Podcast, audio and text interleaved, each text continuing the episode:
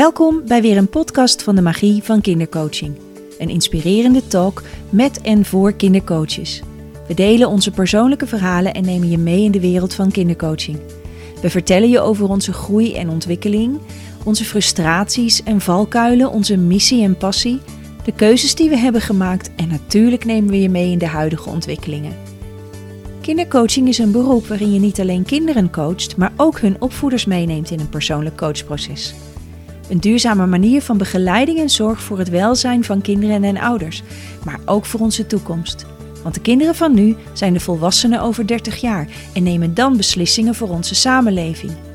Als zij zich nu al bewust zijn van zichzelf en de wereld om zich heen, kunnen ze alleen nog maar groeien en keuzes maken vanuit een krachtige verbinding met zichzelf en de ander. Mijn naam is Jeanette van Kuik en in de podcast van vandaag neem ik je mee op avontuur in de magische wereld van kindercoaching. Heel veel luisterplezier.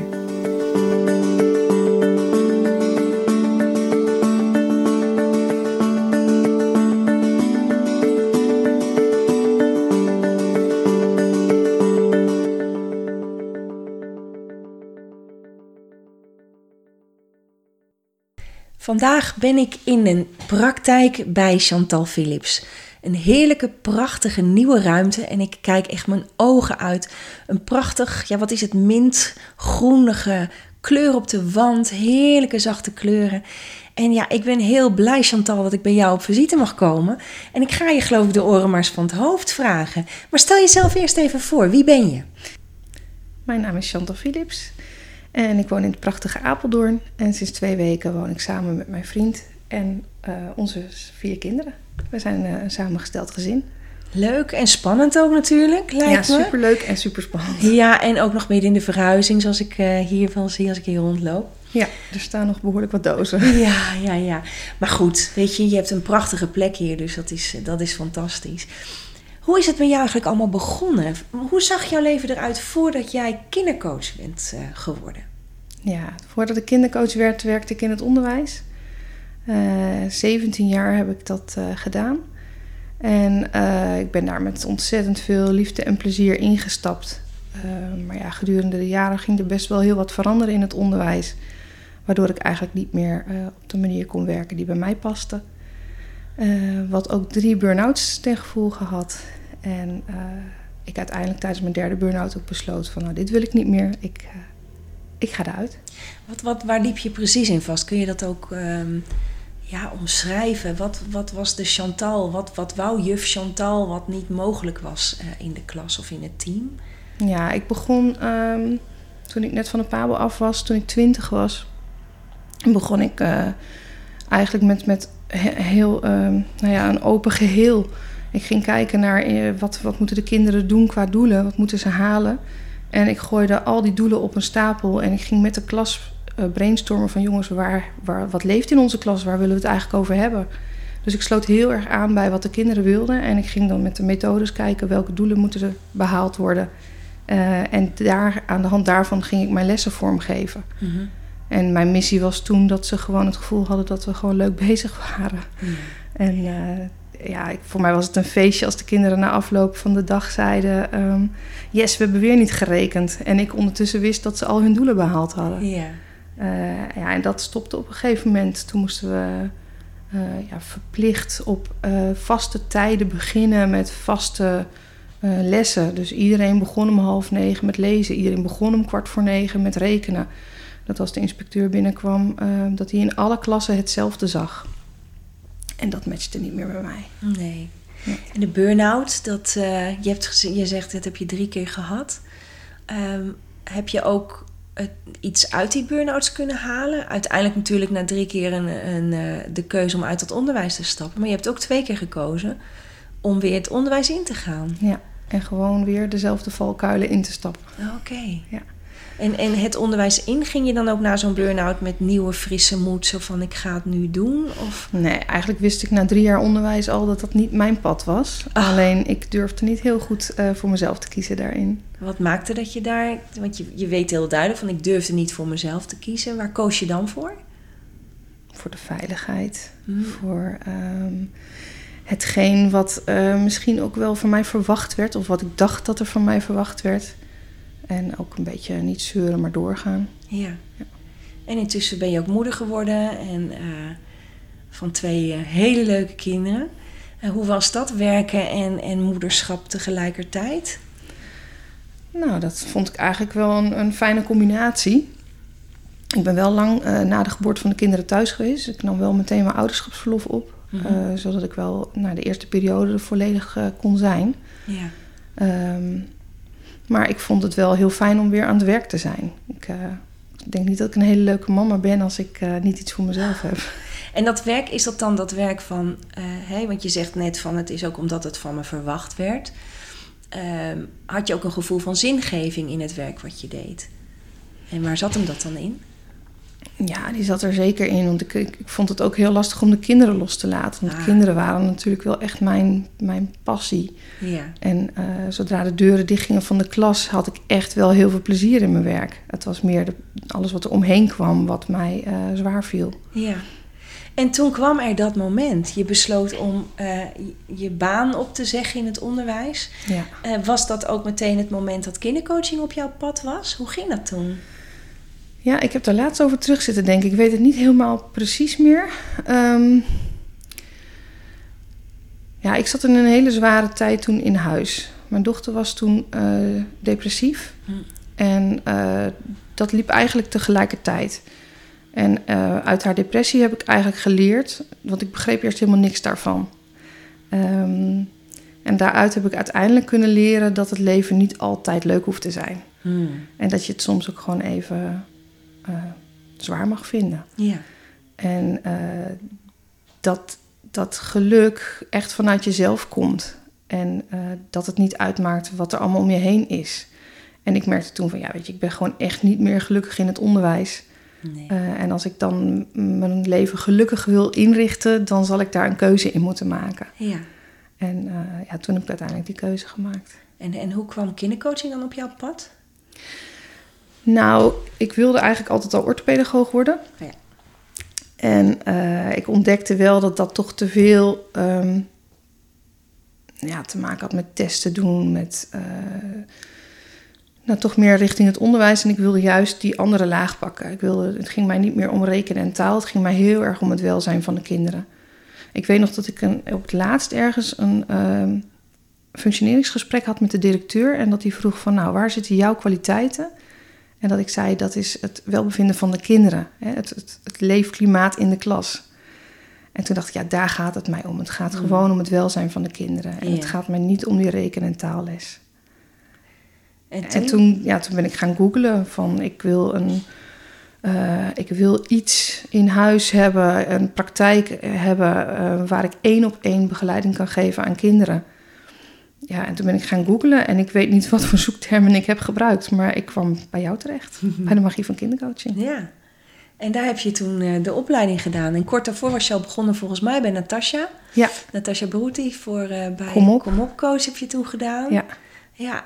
En toen eh, was daar dat eerste jaar magie van kindercoaching. Ja, En jij was één, en dat weet ik ook nog goed herinneren, jij was een van de enigen die al startte met de opleiding terwijl je al een praktijk had. ja, En ook al een praktijknaam, volgens mij was die er ook al. ja. Eh, de meeste mensen die gaan in dat eerste jaar eh, de keus maken of besluiten wat. Maar jij begon al als kindercoach. ja. En, eh, en merkte je dat ook in de, de lessen? Zo van, hé, hey, ik ben al een stap verder. Of, ehm, Nee, dat heb ik niet zo ervaren. Ik had in februari van 2014 ben ik begonnen, heb ik mijn praktijk aangemeld bij de Kamer van Koophandel.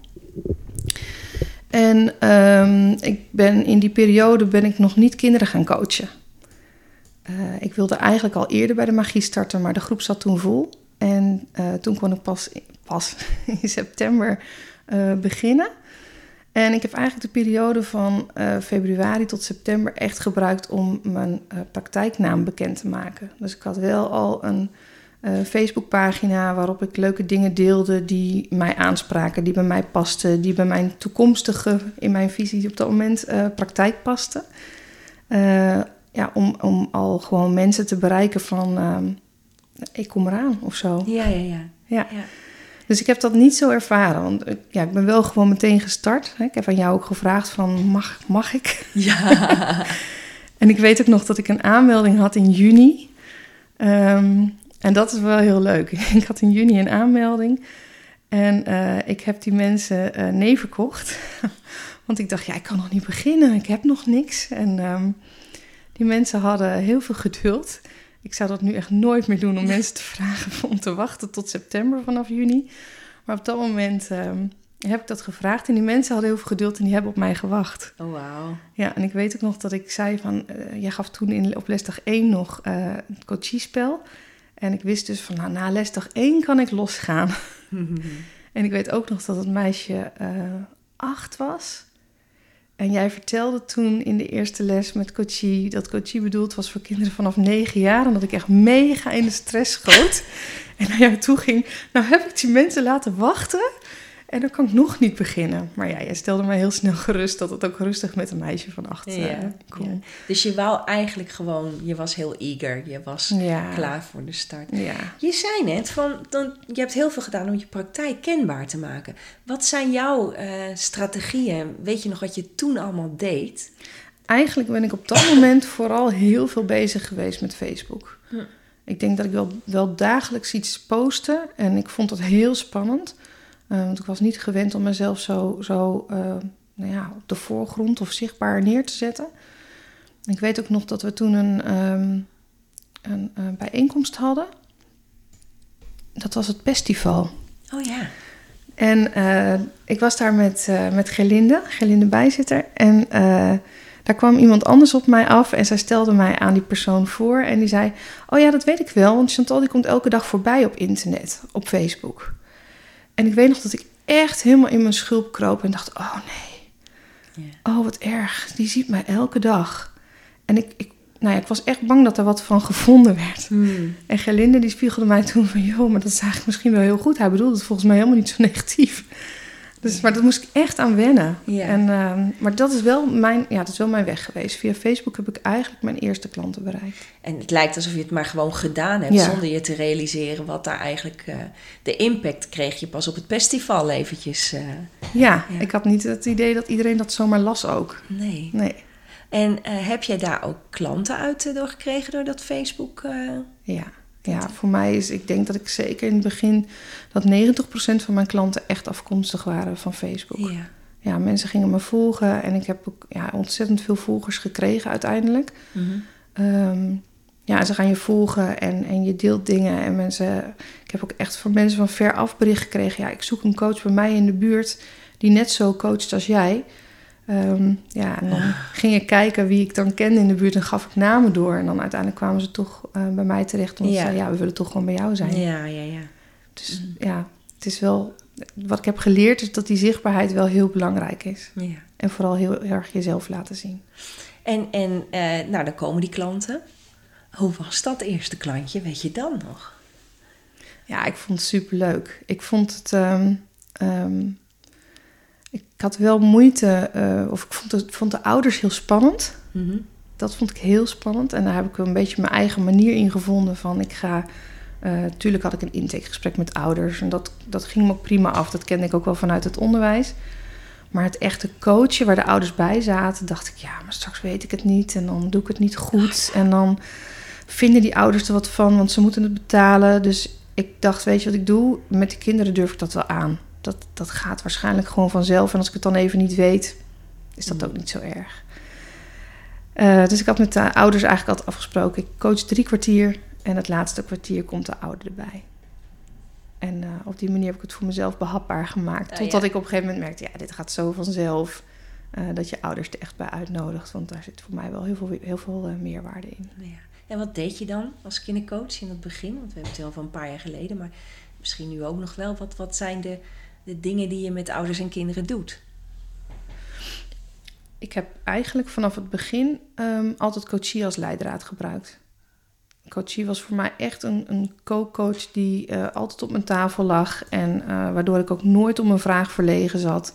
Um, ja, de magie van het spel werkt gewoon. Uh, en, en ja, ik denk dat ik creatief genoeg ben om op het moment dat je daarmee aan het spelen bent uh, en je loopt ergens tegen ja, nee, niet eens tegenaan. Je, je komt op een, op een, je stuit op iets en je denkt, oh, wacht even, dan kan ik dat er ook bij pakken. Of, oh wacht even, ik had al het pen en papier en potloden natuurlijk binnen handbereik. Ja.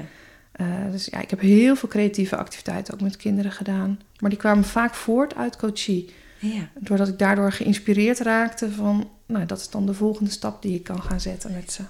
En je hebt volgens mij, wat ik me kan herinneren, maar misschien heb ik het fout. Nee, volgens mij heb je dat ook gedaan. Je hebt ook met groepjes kinderen gewerkt. Ja, klopt. Hoe noemde je dat? Momentje eigen wens. Oh, Mijn ja. praktijk heette eigen wens. Ja. En het was momentje eigen wens. En eh, ja, daar ben ik eh, al vrij vlot mee begonnen. En eh, ja, daar heb ik ook wel klanten uit gekregen. Want wat was jouw eh, doel met die, dat momentje eigen wens? Nou, ik wilde een, een, een laagdrempelige manier hebben waarop ze in ieder geval bij mij in de praktijk kwamen. Ja. Dat ze ook kennis met mij konden maken. Ehm, en ik wilde daarin eh, ja, creatief met kinderen bezig zijn, maar ook heel verbindend met kinderen bezig zijn. En ik wilde in ieder geval dat het eh, een doel had. Dus het ging, het ging altijd ergens over. Ja. Het was niet zomaar een, een knutselmiddagje. Nee. Dat ging wel echt eh, wat dieper. ja. En daardoor kwamen natuurlijk ook kinderen op jouw pad die een individueel traject dan eh, met jou gingen Ja, volgen. zeker. En ook andersom. Kinderen die bij mij een individueel traject hadden afgerond... eh, en die doorstroomden naar momentje eigen wens... omdat Oh, ja. ze het gewoon nog heerlijk vonden om in de praktijk te blijven. Ja, dat snap ik ook. Ja. ja. Dat was echt heel fijn. En je hebt, ehm, eh, weet ik ook, heel recent jouw naam gewijzigd. Want het was eigen wens. Ja. En inmiddels is dat een nieuwe praktijknaam. Hoe is dat proces gegaan? Ja, ik voelde het al een poosje. Ehm, eigen, wens, was in Frieseveen. Daar had ik mijn oude huis, daar had ik mijn praktijk eh, aan huis. En eh, toen ik ging verhuizen naar Apeldoorn, toen had ik ineens geen ruimte meer. Dus toen heb ik het coachen eigenlijk vooral in het bos gedaan, wat overigens ook heel prettig is. Ehm, maar ja, ik miste wel die, die ruimte. En toen ben ik een ruimte in het gezondheidscentrum gaan huren. En ja, eigenlijk heeft me dat gewoon heel veel geld gekost. En, Hier in Apeldoorn was dat. ja, en heb ik ehm, ja, daar heel weinig klanten kunnen eh, krijgen. eh, doordat ik ook een heel deel van die tijd gewoon echt heel ziek was. En ik had geen energie. Dus ik had geen energie voor mezelf. Dus dan gaat er ook geen energie naar je praktijk. Nee. Dus er kwamen geen klanten. Nee. En ehm, ja, nu met de koop van, de, van deze woning, hier zit een praktijkruimte aan vast. Toen dacht ik, oh, dit is echt heel lekker. Ik ga eigen weer naar huis laten komen. En op een gegeven moment kwam ik in een stuk terecht. dat Ik dacht, het, het past niet meer. Het, is begonnen als eigen wens kindercoaching. Ik doe inmiddels veel meer dan alleen kindercoaching. Ehm, ik, ik ben eh, coach voor iedereen. Dus ik wilde eigenlijk gewoon een, ja, een, een soort upgrade of zo. Mhm. ja, ja, ja, de volgende fase. Ja, de volgende fase, ja. En, Voor en- jou. ja, en ik was ook heel erg aan het struggelen van, ja, weet je, eigen wens, daar zit een heel stuk verleden in. En eh, dat is voor mij nu afgesloten. Weet je, ik ben mijn eigen wens gaan leven. En ehm, eigen wens blijft een, een woord, een, een, ja, het blijft wel iets van mij. Het, het hoort bij mij. Maar ik wil nu meer gaan staan als mezelf. Ja, wauw. En hoeveel jaren heeft Eigen Wens, eh, is, is die naam geweest? Bijna zeven jaar. Oh, hey. Toevallig, hè?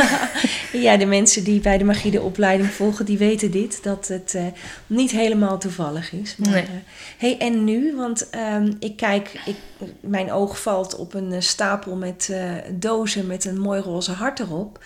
Ehm, je hebt natuurlijk ook de masteropleiding gedaan bij de magie. En Ja. eh, hebt iets prachtigs daar als een zaadje neergelegd. Ehm, je hebt zelf materiaal ontwikkeld. Ja, dat klopt, ja. Vertel. Ja, hartritme. Ja, vertel. Eh, ja, ik, ik, blijf het lastig vinden om daar woorden aan te geven. Het is natuurlijk ook een spel wat heel erg over het gevoel gaat. En ja, hartritme is een verlengstuk van mezelf. En eh, ik hoop daar heel veel mensen mee te mogen bereiken die, eh, die ook die weg weer naar zichzelf toe willen afleggen. En hoe ging dat dan? Want je hebt. Ehm, ja, hoe, vertel, want heel veel mensen hebben ook gevraagd van hoe maak je zo'n spel? Hoe doe je dat dan? Eh, hoe ontstaat dat? Hoe is dat bij jou gegaan? Nou, tijdens de master ehm, ga je natuurlijk heel erg kijken naar wat heb jij eh, te bieden vanuit je levenslessen. En ehm, ja, hoe is dat ontgaan? Nu loop ik dus even vast. Hè? Ja, dat snap ik. Maar dat weet je, want ik was er ook een beetje bij. Ja. Want ik was daar de docent natuurlijk. En jij zat vooral heel erg te zoeken naar woorden. En daar zat jij enorm op vast. ja. Zoals ik nu dus ook doe. Ja. ja. Ja, nee, dat klopt. En ik weet ook nog dat ik in juni eigenlijk nog niks had. En in september moest ik mijn meesterproef presenteren. Ja. En ik raakte in juni, vanaf juni raakte ik echt in de stress. Dat ik dacht, nou weet je, ik moet daar zo meteen staan en ik heb gewoon helemaal niks. En ik weet ook nog dat jij zei, laat het los, laat het los. Ik dacht, ja, loslaten, ik moet zo wat laten zien. En ik had toen zelf een mentor, Rianne was dat. En eh, Rianne gaf mij toen de woorden mee, geef er eens een week geen taal aan. En dat was mijn redding. Ik ben toen heel erg het bos ingegaan. Ik ben gaan natuurschilderijen gaan maken, gaan tekenen, gaan, gaan verbinden met mezelf. En ja, toen ineens begon ik te schrijven en ontstond het. Ik wilde heel graag een materiaal ontwikkelen waarbij eigenlijk alle facetten van wat ik doe in de praktijk in één zaten. Dus ik ben heel erg gaan denken van oké, wat, wat komt er nou eigenlijk altijd aan bod ehm, tijdens mijn coaching? Nou, en het gaat altijd over je diepste verlangen. Het gaat altijd over de mogelijkheden die er zijn. Het gaat altijd over ehm, de contact om je heen, contact met jezelf. Het gaat altijd over gevoelens en gedachten, belemmerende overtuigingen. Dus ik dacht, ja, dat moet gewoon allemaal, of dat wilde ik heel graag allemaal in één krijgen. En ehm, tijdens zo'n zo'n natuurschilderij die ik toen heb gemaakt op eh, advies van eh, Rianne, eh, toen heb ik eigenlijk het veld van hartritme neergelegd. Het was een, een schilderij van blaadjes en schelpjes en, en takjes. En dat ontstond eigenlijk uit acht velden. En toen dacht ik, ja, nou, en ik heb acht thema's, dus dat is perfect. Ja. En toen ben ik dat in het groot neer gaan leggen bij mij achter in de wei. En ehm, ben ik met die thema's, die woorden, ben ik gewoon het veld door gaan lopen. En ben naar, naar de energie gaan voelen. Eh, en ik ben gaan voelen waar het moest, ja, waar het moest neergelegd moest worden. Hmm. En eh, ja, dat is ook wat ik heb meegenomen toen eh, naar de presentatie. Absoluut. En dat was toen niet veel meer dan een paar lintjes en een paar kaarten. En een roze Ehm, steen. En een roze steen in het midden, ja. Ja, ja dat, was, dat was eigenlijk de start. En dat voelde toen zo goed dat ik dacht, ja, daar moet ik gewoon, daar moet ik gewoon iets mee. Ik wil daar echt mensen mee, eh, mee gaan bereiken. Maar ja, dan heb je roze linten, een paar kaartjes en een eh, steen. Dan is die presentatie geweest en dat is het derde jaar het masterjaar is je presenteert het zaadje voor de volgende stap. Ja. Ehm, wat, hoe is dat daarna gegaan? Want dan heb je materiaal en ik zie nu gewoon daar al een stapeltje met een aantal dozen. Volgens mij is het groter geworden dan dat je toen kon, eh, kon zien en voelen. ja, ik had nooit gedacht dat ik zelf iets zou ontwikkelen, überhaupt. Nee. Nee. En ben je gewoon maar gaan maken, gaan Ja. doen? Eh, heb je nog ehm, onderzoek gedaan, hoe noem je dat ook alweer? Ehm, eh, naar of mensen wel op zaten te wachten op jouw Nee. spel? Je hebt Nee. het gewoon gedaan. Ja, ik heb het gewoon gedaan, ja. Ik heb, ik, het enige wat ik heb gedaan is kijken of het een naam was die al eh, bestond. Hm. En ik heb gekeken of het een eh, spel was wat al bestond. Dus daar heb ik wel even onderzoek naar gedaan. Ja. Eh, onderzoek naar gedaan. Ik heb gewoon wat gegoogeld, gekeken of, het, ja, of ik iets kon vinden wat er op leek. Ehm, ja, en, en toen ben ik inderdaad gewoon gegaan. En ik had volledig in mijn hoofd zitten hoe ik het wilde hebben. Alleen ik ben gewoon niet zo handig om dat te digitaliseren. Dus daar had ik hulp bij nodig. ja. Dus ik heb een oproepje gedaan van ik heb het in mijn hoofd, iets in mijn hoofd zitten. En ik wil dat over een paar maanden in mijn handen kunnen hebben, maar ik weet niet hoe. Eh, dus ik zocht een vormgever die mij daarbij kon helpen. En eh, ik heb daar dus een oproepje voor geplaatst. eh, want doordat ik al zo goed wist wat ik in mijn hoofd had en hoe ik het wilde hebben, wilde ik niet dat een eh, vormgever het ging ontwerpen. Dat was niet nodig, want ja, Het was er al. het was er al. Ja. Eh, ik had dus echt alleen maar iemand nodig voor het praktische stuk. Ja. Ehm, ja, en daar heb ik iemand voor gevonden en die heeft eh, uren en dagen naast mij gezeten om alle kaartjes zo te krijgen zoals ik het wilde hebben. Hm. Eh, en daar heb ik wel geluk mee, want ik heb echt ook ontwerpers op mijn pad gehad die zeiden: ja, maar mijn taak is het om het te ontwerpen, dus daar hoef ik je niet bij te hebben. Nee. Terwijl ik er echt naast wilde blijven zitten. Dus ik ben eh, bij het hele proces echt ernaast geweest. Ja. En dan nu een spel, eh, zelfs een hele grote XL-versie. Ja, Ehm, en daarnaast ben je natuurlijk ook nog docent. Want op een gegeven moment heb ik jou benaderd van... hey, zou jij in België de lessen willen gaan doen? Helaas eh, is dat nu door corona niet Ja. mogelijk. Maar ehm, toen was je ineens docent kindercoaching. Hoe was dat? Ja. Nou, ik weet nog dat je mij hebt gevraagd en dat ik dacht, nou echt niet. ik ben heel leuk met kinderen, maar met volwassenen iets... Uh... Ja, nee, had ik ook niet verwacht dat ik dat uh, zou gaan doen. Mhm. Maar ja, ik voelde me uh, ten eerste wel vereerd dat je me vroeg, dat je dat in mij zag. En je hebt mij ook echt wel tijdens een van de lesdagen laten zien dat het ook echt in mij zit. Ja. En dat, ik weet nog dat het met het projectiemechanisme was en dat ik op het puntje van mijn stoel naar je aan het luisteren was en dat we uh, te horen kregen van het is niet, projectie, projectiemechanisme is niet alleen maar om echt van te leren van je valkuilen en je negatieve of je schaduwkanten, zeg maar. Um, maar vooral ook van hè, naar wie kijk je enorm op? Want je kunt alleen maar iets in een ander zien als het ook in jezelf zit. En daar heb ik dat, dat heb ik echt van jou geleerd. En dat geef ik nu ook heel veel mee aan anderen. Um, ja, en ik ben daar wel echt in gaan geloven. Ja. ja. En, en je geeft dus les over het vak kindercoaching. Kinder- en oudercoaching is het trouwens. Um, ja. Hoe zie jij uh, de huidige stand van zaken, maar misschien ook wel hoe zie jij de toekomst van ons vak kindercoaching? Ja, ik denk uh, dat we nog steeds aan de start staan van ons vak.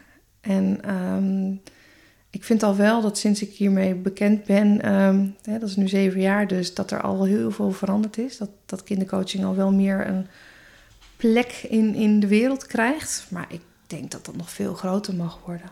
Ja. Dat er nog veel meer bekendheid mag komen. Ja. En nog veel meer kindercoaches. En dan tot slot, um, wat wens jij voor alle kindercoaches die hier naar luisteren? Oh, dat ze, ja. Ik wens alle kindercoaches die hier naar luisteren, maar sowieso alle mensen, dat ze naar hun hart durven luisteren en dat hun hart de weg kan vertellen. En dat ze echt durven gaan doen en staan waarvoor ze hier op aarde zijn. Wauw. Ja. Nou, hey, dankjewel. Dankjewel voor dit gesprek. En uh, ik vond het heel inspirerend om jouw weg te volgen. Dankjewel. En uh, wij gaan nog even lekker een kopje thee drinken en naleuten. En uh, nou, mochten jullie iets meer willen weten over Chantal Philips, haar website is www.chantalphilips.nl. En daar zit een prachtig logo bij. En nou, kijk er eens lekker op rond. En dan kan je nog meer over Chantal te weten komen. Dit was de podcast weer voor vandaag. Ik hoop dat je er met plezier naar hebt geluisterd en dat je er iets aan hebt gehad. Wanneer je meer wilt weten over mijn werk of de opleidingen kun je kijken op de website. We hebben er twee. Op www.magievankindercoaching.nl vind je alles over de opleidingen kindercoaching. En op www.acasia-coach-academie.nl vind je nog meer leuke producten.